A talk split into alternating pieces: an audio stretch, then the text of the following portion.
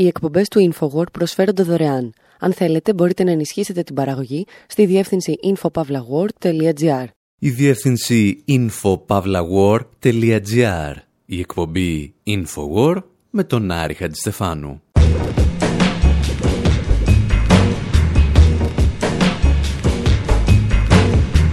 Όπου σήμερα αφιερώνουμε μουσικές και τραγούδια στον Diego Μαραντόνα, ο οποίος στις 30 Οκτωβρίου του 2020 έκλεισε τα 60 του χρόνια. Υποστηρίζουμε ότι σε γενικές γραμμές υπήρξε πάντα στη σωστή πλευρά της ιστορίας, αν και ορισμένες φορές ισορροπούσε επάνω σε μια παχιά λευκή γραμμή. Τον συναντάμε στα παιδικά του χρόνια που έχασε ένα πραξικόπημα, σχεδόν όπως το έχασε και ο Αρχιεπίσκοπος Χριστόδουλος που διάβαζε τα μαθήματά του. Ύστερα όμως βρίσκουμε το Μαραντόνα στο πλευρό όσων αντιστάθηκαν σε πραξικοπήματα και κέρδισαν μια θέση στην ιστορία της Νότιας Αμερικής.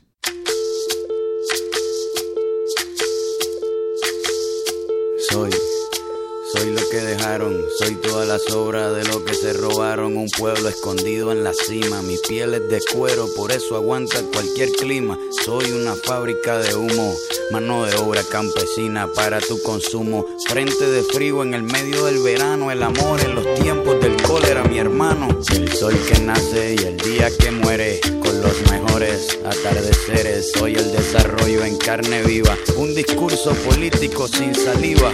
Las caras más bonitas que he conocido. Soy la fotografía de un desaparecido, la sangre dentro de tus venas. Soy un pedazo de tierra que vale la pena una canasta con frijoles. Soy Maradona contra Inglaterra, anotándote dos goles. Soy lo que sostiene mi bandera, la espina dorsal del planeta en mis cordilleras. Soy lo que me enseñó mi padre, el que no quiere a su patria, no quiere a su madre. Soy América Latina, un pueblo sin pierna pero que camina. Oye, no puedes comprar al viento,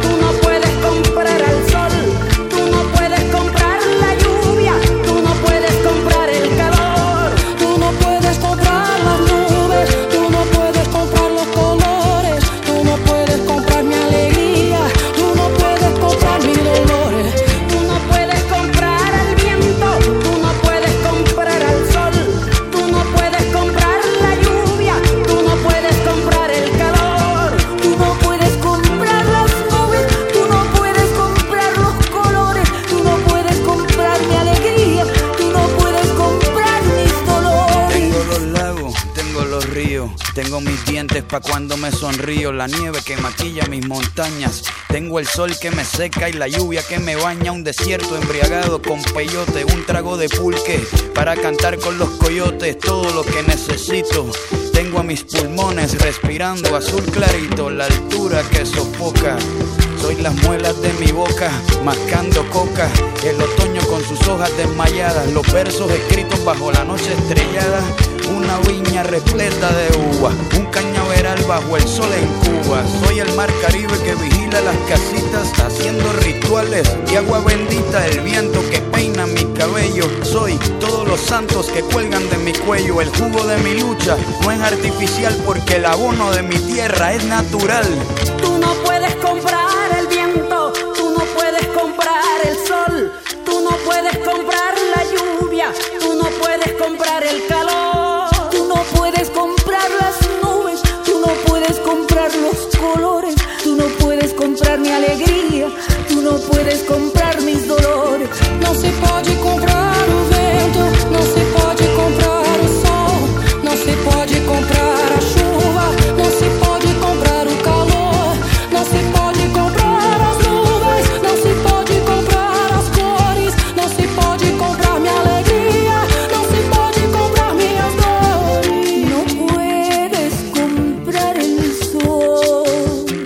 Το συγκρότημα Κάγε Τρέσε διηγείται ιστορίες από τη Λατινική Αμερική. Τα μέλη του, για να ξέρετε, προέρχονται από το Πουέρτο Ρίκο και παρά το γεγονός ότι θεωρούνται από τα πιο mainstream συγκροτήματα, ανήκουν και στο κίνημα που ζητά την ανεξαρτητοποίηση από τις Ηνωμένες Πολιτείες. Εδώ πάντως, μιλώντας εξ ονόματος της Λατινικής Αμερικής, λένε και τα εξής. Είμαι ό,τι απέμεινε μετά την κλοπή. Είμαι καπνός στα εργοστάσια και εργάτης για τις καταναλωτικές σου ανάγκες. Είμαι η φωτογραφία ενός αγνοούμενου. Είμαι ο έρωτας στα χρόνια της χολέρας και ένα ζαχαροκάλαμο κοντά σε μια παραλία της Κούβας. Είμαι αυτή που δέχθηκε την εισβολή του Κόνδωρα. Είμαι ο Ντιέγκο Μαραντόνα που βάζει δύο γκολ εναντίον της Αγγλίας. Και όλα αυτά, εκτός από την πεμπτουσία της Λατινικής Αμερικής, αποτελούν και στοιχεία από την προσωπική διαδρομή του Diego Μαραντόνα ανάμεσα στον κόσμο του ποδοσφαίρου και της πολιτικής. Όλα ξεκινούν με την εισβολή του Κόνδωρα, δηλαδή το σχέδιο της Ουάσινγκτον για την επιβολή δικτατορικών και φασιστικών καθεστώτων στη Λατινική Αμερική, συνεχίζονται με την ιστορική παρουσία του Μαραντόνα στον τελικό του παγκοσμίου κυπέλου στο Μεξικό και καταλήγουν με ένα δάκρυ για το θάνατο του φίλου του Φιντελ Κάστρο σε μια παραλία της Κούβας.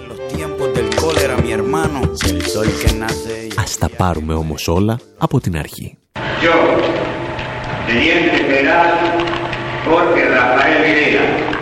Η φωνή που ακούτε ανήκε στον Χόρχε Ραφαέλ Βιντέλα, τον αιμοσταγή δικτάτορα που ανέλαβε την εξουσία στην Αργεντινή τον Απρίλιο του 1976. Και εδώ παρακολουθούμε την ορκομοσία του.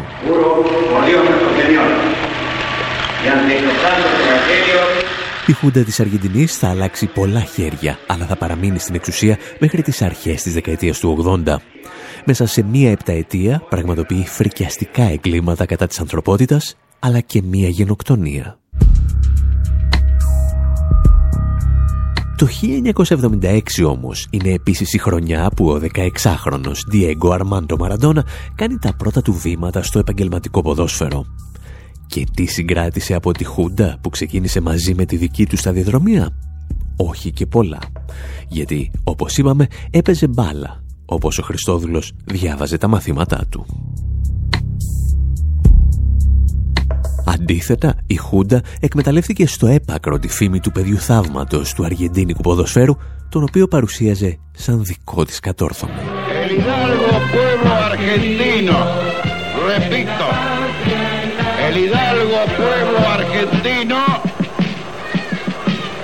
tiende sus manos al adversario Έξι χρόνια αργότερα, όταν ξεσπά ο πόλεμος Αργεντινής-Βρετανίας για τα νησιά Φόκλαντ ή Μαλβίνας, ο Μαραντόνα θα στηρίξει την εθνική προσπάθεια. Ενώ στην εξουσία βρίσκεται πλέον ο δικτάτορας Γκαλτιέρ. Θα την στηρίξει βέβαια εξ αποστάσεως, γιατί η επαγγελματική του δραστηριότητα δεν του επιτρέπει να καταταγεί και να πολεμήσει τις δυνάμεις της Μάργαρετ Θάτσερ. Ή τουλάχιστον έτσι ισχυρίζεται. Το οποίο δεν ήταν αναγκαστικά κακό, γιατί όπως έλεγε μερικά χρόνια αργότερα και ο επίσης Αργεντίνος συγγραφέας Χόρχε Λουίς Μπόρχες, αυτός ο πόλεμος ήταν η μάχη δύο καραφλών για μία τσατσάρα. Ήταν μια ανέτεια αιματοχυσία δύο αποτυχημένων φιλελεύθερων πολιτικών που ζητούσαν εναγωνίως διέξοδο από την κρίση που οι ίδιοι είχαν δημιουργήσει. Ο Μαραντόνα πάντως θα δώσει τη μάχη εναντίον της Αγγλίας στο γήπεδο του ποδοσφαίρου και θα την κερδίσει πανηγυρικά, βάζοντας το καλύτερο γκολ στην ιστορία του ποδοσφαίρου και ένα ακόμη με το χέρι του Θεού. La mano de Dios. una villa nación fue deseo de Dios crecer y sobrevivir a la humilde expresión, enfrentar la adversidad con afán de ganarse a cada paso la vida. En un potrero forjó una zurda inmortal con experiencia, sedienta ambición de llegar de cebollita. Soñaba jugar un mundial y consagrarse en primera.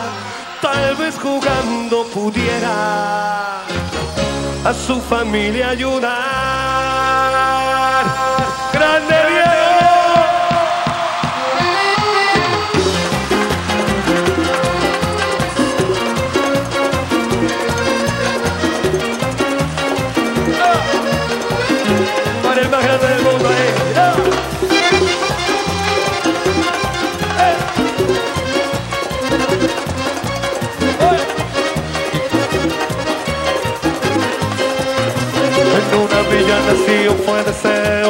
Crecer y sobrevivir a la humilde expresión. Enfrentas la adversidad con afán de ganarse a cada paso la vida. En un potrero forjó una zurda inmortal con experiencia, sedienta ambición de llegar de cebollita. Soñaba jugar un mundial y consagrarse en primera. Tal vez jugando pudiera a su familia ayudar. A poco que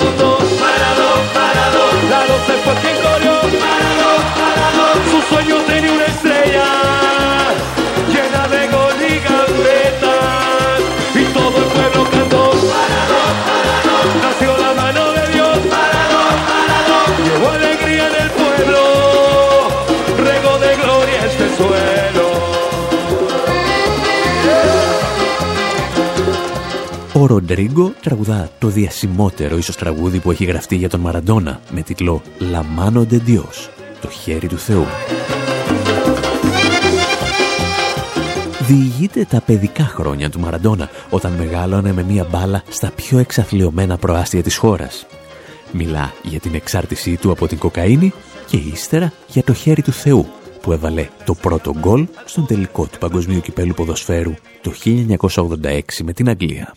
Vamos muchachos, la pelota viene para Batista, Batista para Enrique, Enrique cambia para el Vasco, allá vino para el Articochea que lo tiene a Diego como número 10, a Giusti como número 9, a Burruchaga de 8 y a Valdano de 7, la pelota va para Maradona, Maradona puede tocar para Enrique, siempre Maradona es un drible, se va, se va entre tres, siempre Diego, genial, genial, genial, tocó para Valdano, entró Maradona, falta el 3, intentó, vamos, gol,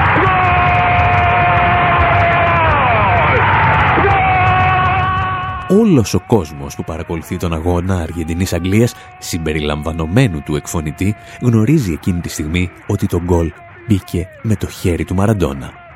Όλοι εκτός από τους διαιτητές που δεν το είδαν. Un rechace para atrás, alzó con la mano para mí. Ύστερα από περίπου τέσσερα λεπτά όμως, ο Μαραντόνα αποδεικνύει ότι είτε το είδαν είτε δεν το είδαν, ο αγώνας ήταν ούτως ή άλλως δικός του.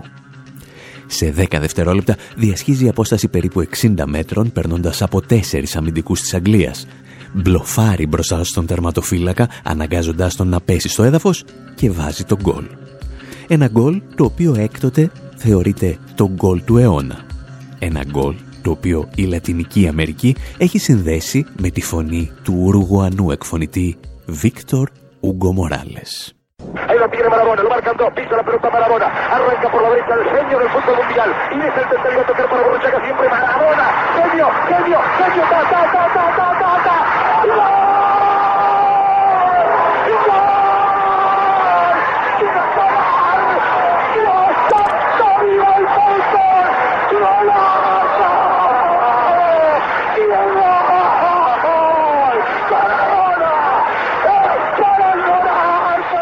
Ανάμεσα σε άλλα που δεν μπορείτε να διακρίνετε, ο εκφωνητής που μόλις ακούσατε είπε και τα εξής. «Κοσμικέ χαρταετέ, από ποιο πλανήτη ήρθες για να περάσεις ανάμεσα από τόσους Άγγλους και να επιτρέψεις σε ένα λαό να σφίξει τη γροθιά και να φωνάξει για την Αργεντινή». Gritando por Argentina. Και έκτοτε όλοι γνώριζαν ότι ο συγκεκριμένος αγώνας ήταν απλώς η συνέχεια του πολέμου των Φόκλαντς με άλλα μέσα.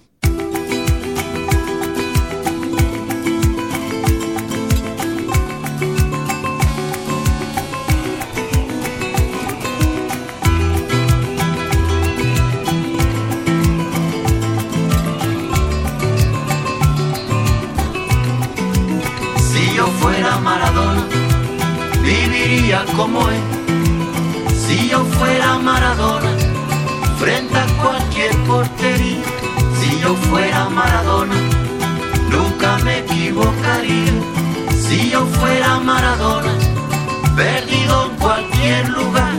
La vida es una tómbola, de noche y de día. La vida es una tómbola, y arriba y arriba. La vida es una tómbola, de noche y de día. La vida es una tómbola, y arriba y arriba. Si yo fuera Maradona, viviría como él.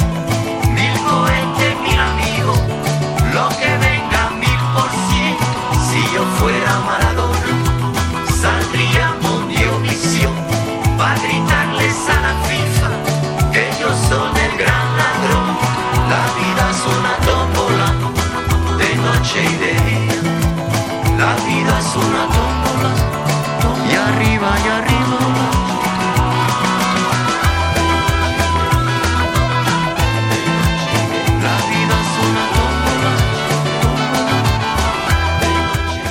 Αν ήμουν ο Μαραντόνα, τραγουδά ο Μανουτσάο, θα ζούσα σαν αυτόν.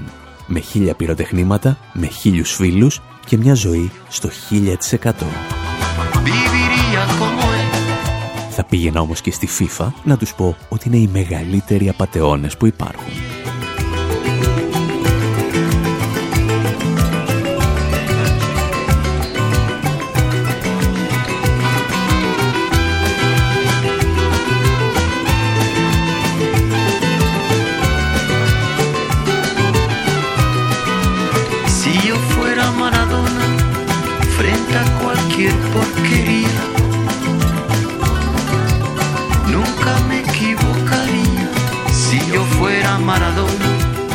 Ο τελικός του 1986 στο Μεξικό είναι ίσως η κορυφαία στιγμή στην καριέρα του Μαραντόνα, καθώς θα ακολουθήσει η παρακμή και η βαριά εξάρτηση από τα ναρκωτικά.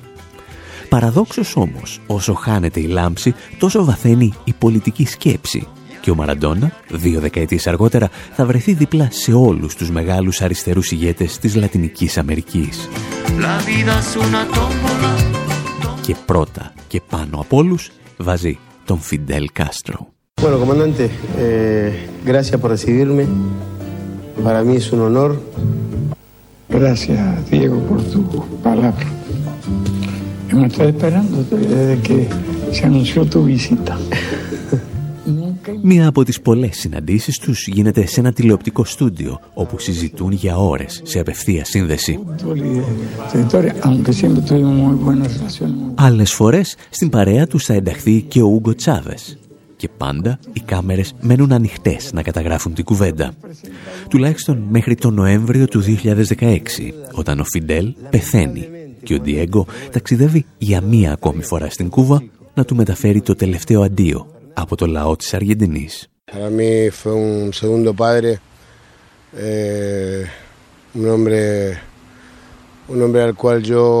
για μένα ήταν σαν δεύτερος πατέρας. Ήταν ένας άνθρωπος τον οποίο λάτρευα. Ο Φιντέλ δεν ήταν μόνο για τους Κουβανούς. Εγώ προέρχομαι από την Αργεντινή και τώρα αισθάνομαι σαν Κουβανός. Ήρθα να εκπροσωπήσω την Αργεντινή και να πω αντίο κομμαντάντε.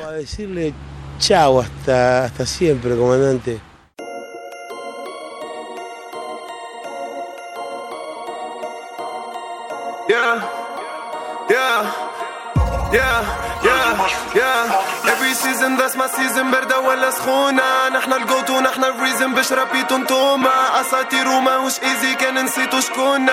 عشنا رجال وعنا بيبول في كلنا جحومة. بيتش I'm ballin' like مارادونا مارادونا I keep ballin' like مارادونا مارادونا money callin' like مارادونا مارادونا bitch is callin' like مارادونا مارادونا bitch I'm ballin' like مارادونا مارادونا like a Maradona Maradona bitch is falling like a Maradona Maradona, Maradona I balling like a Maradona Maradona الكرة في ساقي Armando في ال 15 بديت باركوري I used to jump at the bando Για την ιστορία, το κομμάτι που ακούτε, τραγουδούν ο τινήσιος ράπερ ALA μαζί με τον συνάδελφό του που φέρει το όνομα El Castro. Για την ιστορία επίσης να σας πούμε ότι ο ALA είχε προταθεί να λάβει το βραβείο Ζαχάροφ του Ευρωπαϊκού Κοινοβουλίου λόγω των διώξεων που είχε υποστεί στην πατρίδα του. Την τελευταία στιγμή όμως η πρόταση αποσύρθηκε όταν έγιναν γνωστά σχόλια που είχε κάνει για τα εγκλήματα του κράτους του Ισραήλ στη λωρίδα της Γάζας. Και ο Μαραντόνα, που είχε δηλώσει ότι στην καρδιά του ήταν πάντα Παλαιστίνιος, μάλλον θα ήταν υπερήφανος που ο ALA δεν πήρε το βραβείο Ζαχάροφ. Ειδικά όταν αυτό απονεμήθηκε στη δεξιά αντιπολίτευση της Βενεζουέλας για τις συνεχείς προσπάθειες ανατροπής της νόμιμης κυβέρνησης της χώρας. Δεν το διατύπωσαν ακριβώς έτσι, αλλά αυτό ακριβώς εννοούσαν. Πριν από μερικά χρόνια μάλιστα ο Μαραντόνα πιάστηκε μεταφορικά στα χέρια με τον Ενερικέ Καπρίλες, έναν εκ των αρχηγών της δεξιάς αντιπολίτευσης στη Βενεζουέλα. Ο Μαραντόνα, είχε γράψει ο Καπρίλες στο Twitter, δεν θα στήριζε τον Μαδούρο εάν έπρεπε να ζήσει με 15 δολάρια το μήνα. Μακάρι να είχα αυτά τα 15 δολάρια όταν μεγάλωνα με τα 7 αδέρφια μου και δεν είχαμε να φάμε, του απάντησε ο Μαραντόνα και συμπλήρωσε «Τώρα η διαφορά ανάμεσά μας είναι ότι εγώ δεν ξεπουλήθηκα». Και επειδή διάφοροι επίδοξοι πραξικοπηματίες με κομψές συζύγους συνέχισαν να τον ενοχλούν, τους έγραψε και το εξής. «Είμαι τσαβίστας μέχρι το θάνατο και όταν ο Μαδούρο διατάξει θα πολεμήσω σαν στρατιώτης για μια ελεύθερη Βενεζουέλα απέναντι στον υπεριαλισμό και σε αυτούς που θέλουν να υποστήλουν τις σημαίες μας. Βίβα Τσάβες, βίβα Μαδούρο. Εμείς πάλι λέμε να κάνουμε ένα διάλειμμα στην εκπομπή, αφήνοντας τον ίδιο τον Μαραντόνα να τραγουδά για τον εαυτό του, το «Λαμάνο Ντεντιός». Ζωντανή ηχογράφηση σε ένα μπαράκι από τον Εμίρ Κουστουρίτσα για το ντοκιμαντέρ «Μαραντόνα». En una villa nací, fue deseo de Dios crecer y sobrevivir a la humilde expresión, enfrentar la adversidad con afán de ganarme a cada paso la vida. potrero forjé una zurda inmortal con experiencia, sedienta ambición de llegar de cebollita. Soñaba jugar un mundial y consagrarme en primera. Tal vez jugando pudiera a mi familia ayudar. Tampoco que debutó, parado, parado, a dos se fue que corrió,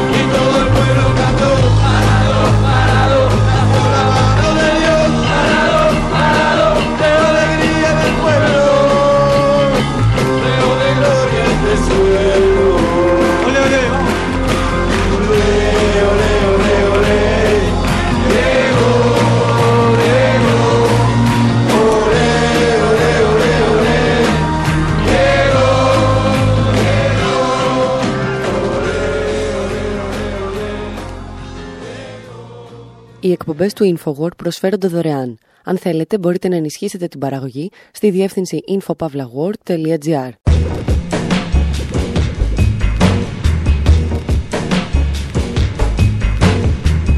Η εκπομπή InfoWord με τον Άρη Χατζηστεφάνου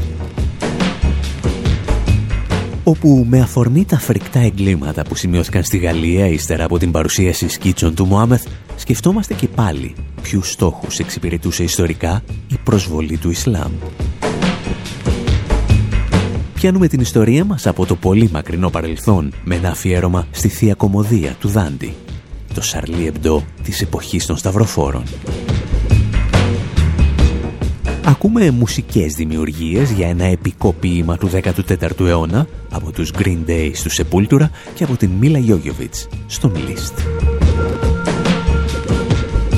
Υποστηρίζουμε ότι μπορούμε ταυτόχρονα να καταδικάζουμε με τον πιο σαφή τρόπο τα τρομοκρατικά εγκλήματα εξτρεμιστών Ισλαμιστών χωρίς όμως να στηρίζουμε τη δημοσίευση προσβλητικών σκίτσων για τον Μωάμεθ.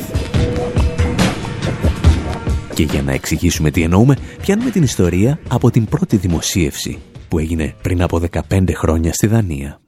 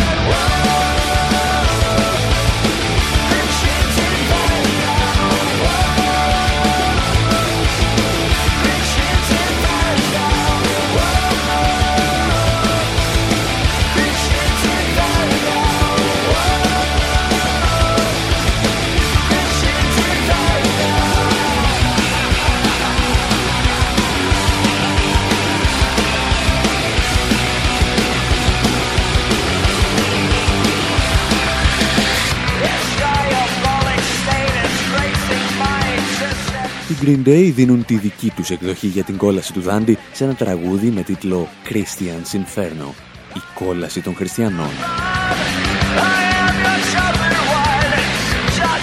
Τραγουδούν για πυρηνικές βόμβες που μπορούν να φέρουν τον άνθρωπο στην κατάσταση του πυθίκου, δηλαδή όχι και πολύ μακριά από τη σημερινή του κατάσταση. Τραγουδούν για τον έρωτα και για τοξίνες στο αίμα. Η Green Day δεν είναι φυσικά το πρώτο συγκρότημα που δίνει με νότες στο επικό ποίημα του Δάντη. Ένα έργο που διηγείται τις περιπέτειες της μεταθάνατον ζωής, όπως τουλάχιστον την κατανοούσε η Εκκλησία στη Δυτική Ευρώπη. Ένα έργο το οποίο αν γραφόταν σήμερα θα προκαλούσε θρησκευτικές εξεγέρσεις σε διάφορες περιοχές του πλανήτη.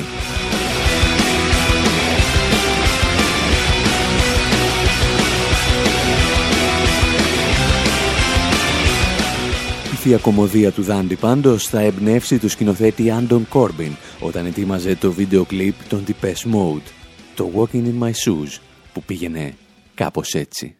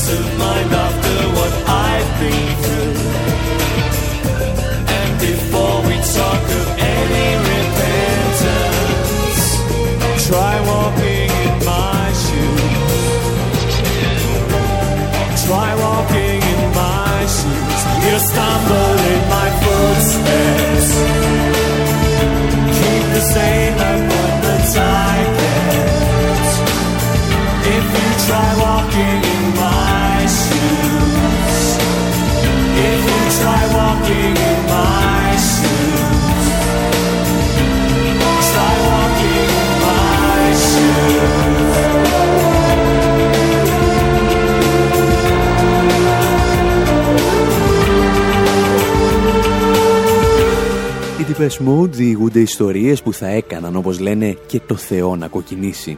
Εμάς όμως, όπως σας εξηγήσαμε, μας ενδιαφέρει κυρίως το βίντεο κλιπ που εμπνεύστηκε από τη θεία κομμωδία ο σκηνοθέτης Άντων Κόρμπιν. Όπως και ο Δάντης, έτσι και ο Κόρμπιν μεταφέρει τους ήρωές του από την κόλαση στο καθαρτήριο και από εκεί στον παράδεισο.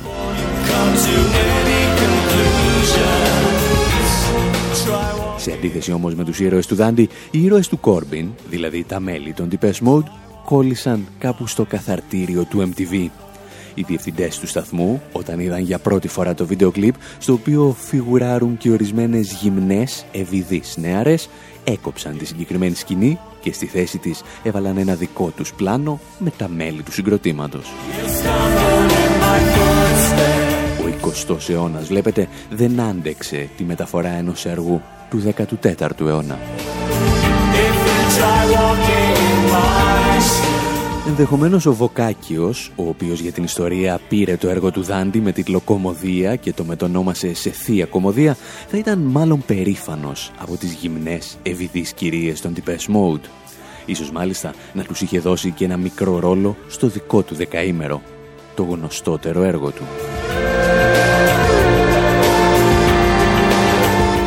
Όπως πιθανότατα θα ήταν ευτυχής να είχε γνωρίσει και την Μίλα Γιώγιοβιτς, η οποία και αυτή εμπνεύστηκε από τη Θεία Κομμωδία όταν παρουσίασε το ένα και ευτυχώς μοναδικό της δίσκο με τίτλο Divine Comedy.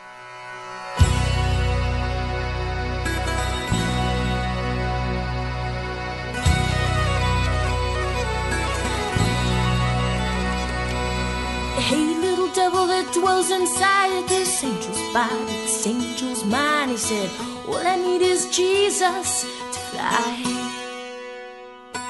Take a little peek through this head of hair. I know somewhere there are eyes in there, trying to hide a heart that's shining so bright. They said, What makes you different from us? You're gonna bang your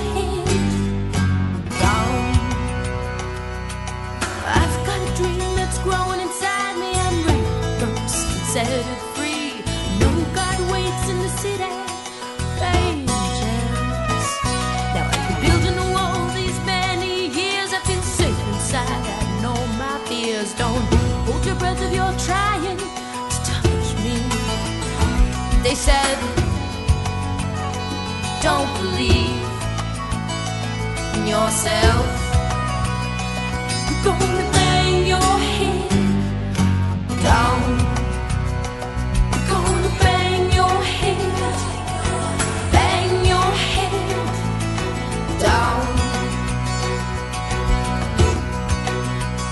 Το πρόβλημα με την Μίλα Γιώγιοβιτς ήταν ότι ενώ πάντα σου δίνει μια πολύ καλή αίσθηση για το πώς θα πρέπει να είναι ο παράδεισος, δυσκολεύεται να αποδώσει την κόλαση. Και για αυτές τις βαριές δουλειές, στην απόδοση του Δάντη, πρέπει κανείς να καλέσει τους Rage Against the Machine ή έστω τον Λίστ ή τον Τσαϊκόφσκι, τους μεγάλους καλλιτέχνες που ασχολήθηκαν με αυτό το επικό έργο.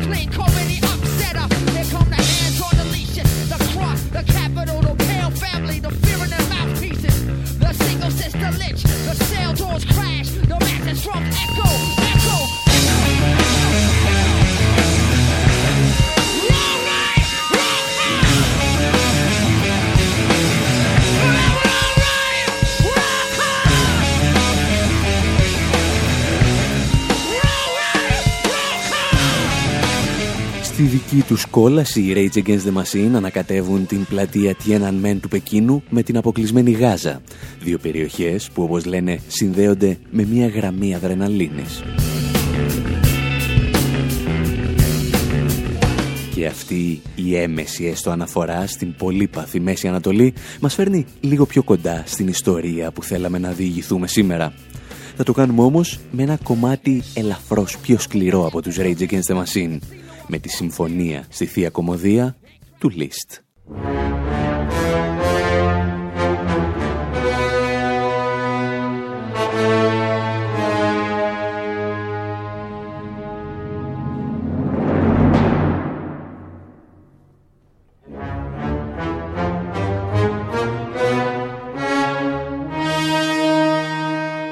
Αυτό που ελάχιστοι γνωρίζουν για το έργο του Δάντη είναι ότι στη Θεία Κομμωδία παρουσιάζει τον Μωάμεθ με φρικιαστικές περιγραφές. Συγκεκριμένα περιγράφει όπως λέει το σώμα του σχισμένο από το πηγούνι μέχρι το σημείο που βγάζει άσχημους ήχους. Εκτός δηλαδή από ρατσιστικό είναι και χιδαίο. Όπως ρατσιστικό και χιδαίο είναι το έργο και απέναντι στους Εβραίους αλλά και τους ομοφιλόφιλους.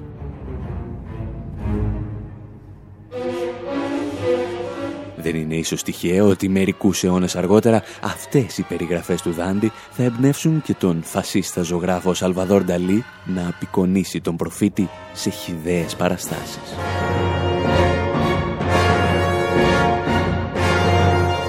Μειώνει μήπως αυτό την πολιτιστική και πολιτισμική αξία της Θείας Κομμωδίας; Ούτε στο ελάχιστο. Είναι όμως η Θεία Κομμωδία ένα ρατσιστικό, αντισημιτικό και ομοφοβικό δημιούργημα; Απολύτως.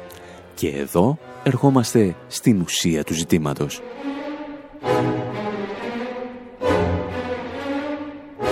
Η προσβολή της μουσουλμανικής πίστης από τη Δύση υπήρξε σχεδόν πάντοτε συνειφασμένη με πολιτικές και γεωπολιτικές εξελίξεις. Για την ακρίβεια, ο δυτικός πολιτισμός συνήθιζε να εξευτελίζει τα σύμβολα της μουσουλμανικής πίστης κάθε φορά που βρισκόταν σε εξέλιξη μια δυτική σταυροφορία. Το έργο του Δάντη καταγράφει απλώς τη συλλογική μνήμη των σταυροφοριών του 12ου και του 13ου αιώνα. Το μίσος προς τον Μωάμεθ είναι το μίσος της σταυροφορικής Ευρώπης απέναντι στους Άραβες, τους οποίους επιχειρεί να καθυποτάξει. Από τις αρχές του 20ου αιώνα όμως, τα πράγματα γίνονται ελαφρώς πιο σύνθετα. Η ανακάλυψη πλούσιων κοιτασμάτων πετρελαίου φέρνει και πάλι τη Μέση Ανατολή στο προσκήνιο. Οι κάτοικοι της περιοχής πρέπει να εξανδραποδιστούν για να δικαιολογηθούν οι νέες απικιακές σταυροφορίες.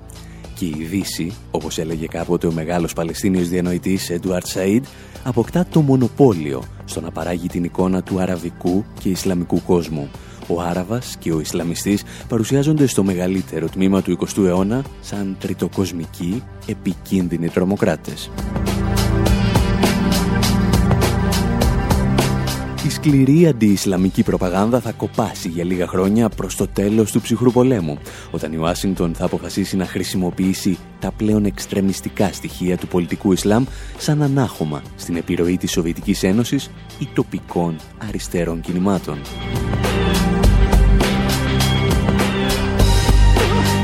Είναι η εποχή που οι Τούρκοι στρατηγοί χτίζουν μιναρέδες για να δημιουργήσουν ένα ανάχωμα στην άνοδο της αριστεράς. Είναι η εποχή που η CIA σε συνεργασία με τη Σαουδική Αραβία και τις μυστικές υπηρεσίες του Πακιστάν ενισχύουν εξτρεμιστές στο Αφγανιστάν για να πολεμήσουν τη Σοβιετική κατοχή. Μετά την 11η Σεπτεμβρίου όμως και αυτή η πολιτική πρέπει να εγκαταλειφθεί. This nation is at war with Islamic fascists who will use any means to ο πρόεδρος Μπούς κηρύσσει τον πόλεμο σε αυτό που αποκαλεί Ισλαμοφασισμό. Την ίδια περίοδο, ο Σίλβιο Μπερλουσκόνη μιλά για την ανωτερότητα του δυτικού πολιτισμού. Ο Ασάντα Μπουχαλίλ, καθηγητής πολιτικών επιστημών στο Πανεπιστήμιο της Καλιφόρνιας, εξηγούσε τότε τους όρους του νέου παιχνιδιού ημών των δυτικών.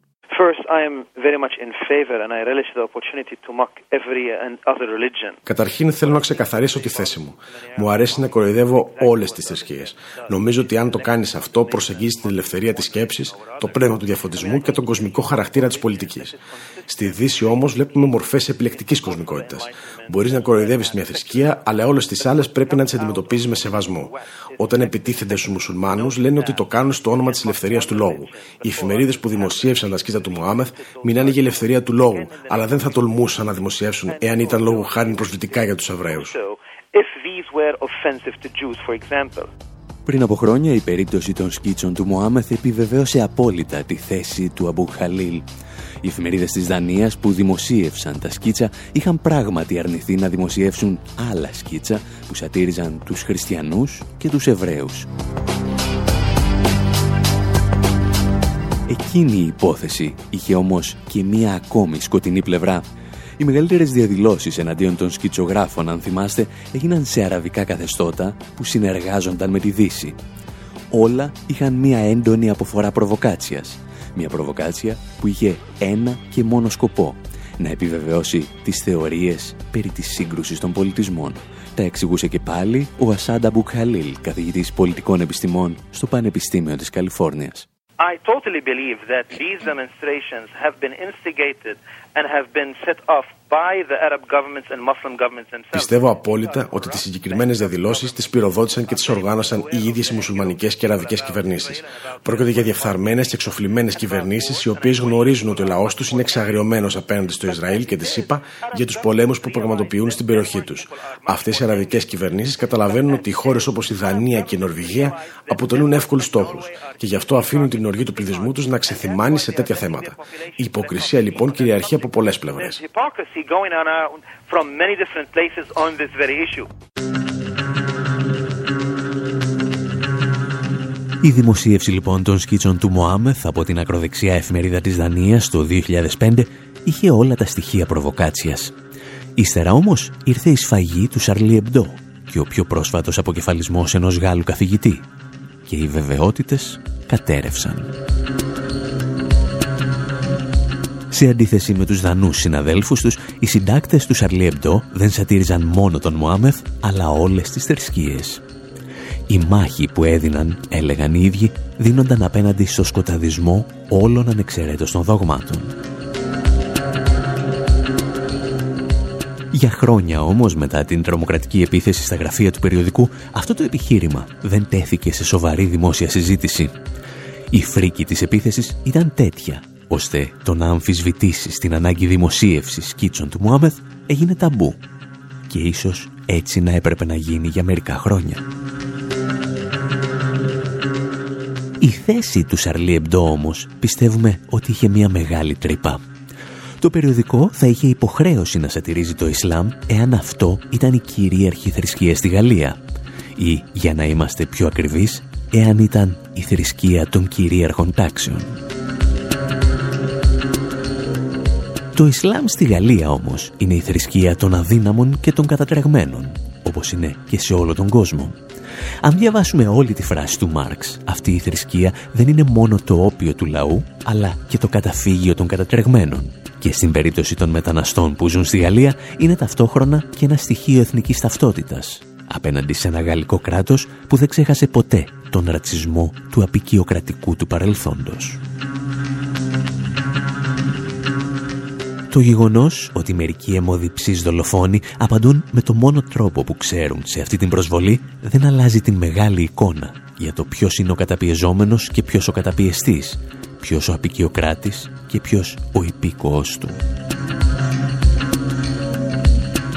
Όταν λέμε ότι προστατεύουμε το δικαίωμα στην ελεύθερη έκφραση, εννοούμε ότι το προστατεύουμε εκεί που απειλείται.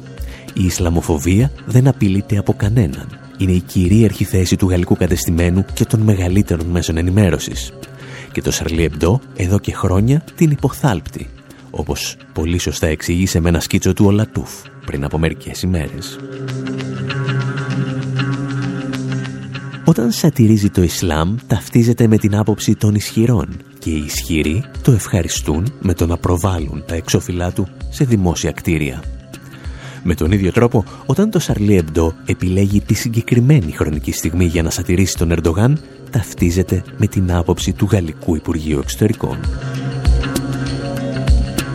Μόνο που αυτές οι δύο πρακτικές δεν έχουν καμία σχέση με την παρακαταθήκη του Μάη του 68, που υποτίθεται ότι υπηρετεί το περιοδικό. Κάπου εδώ όμως, εμείς λέμε να σας αφήσουμε να μας βρίζετε με την ησυχία σας μέχρι την επόμενη εβδομάδα.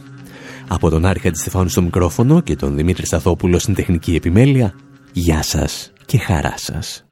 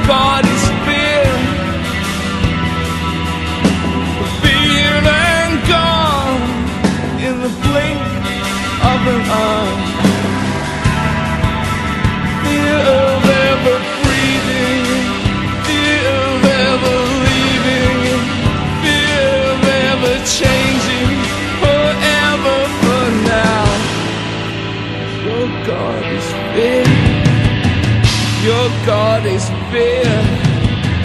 Your God is fear.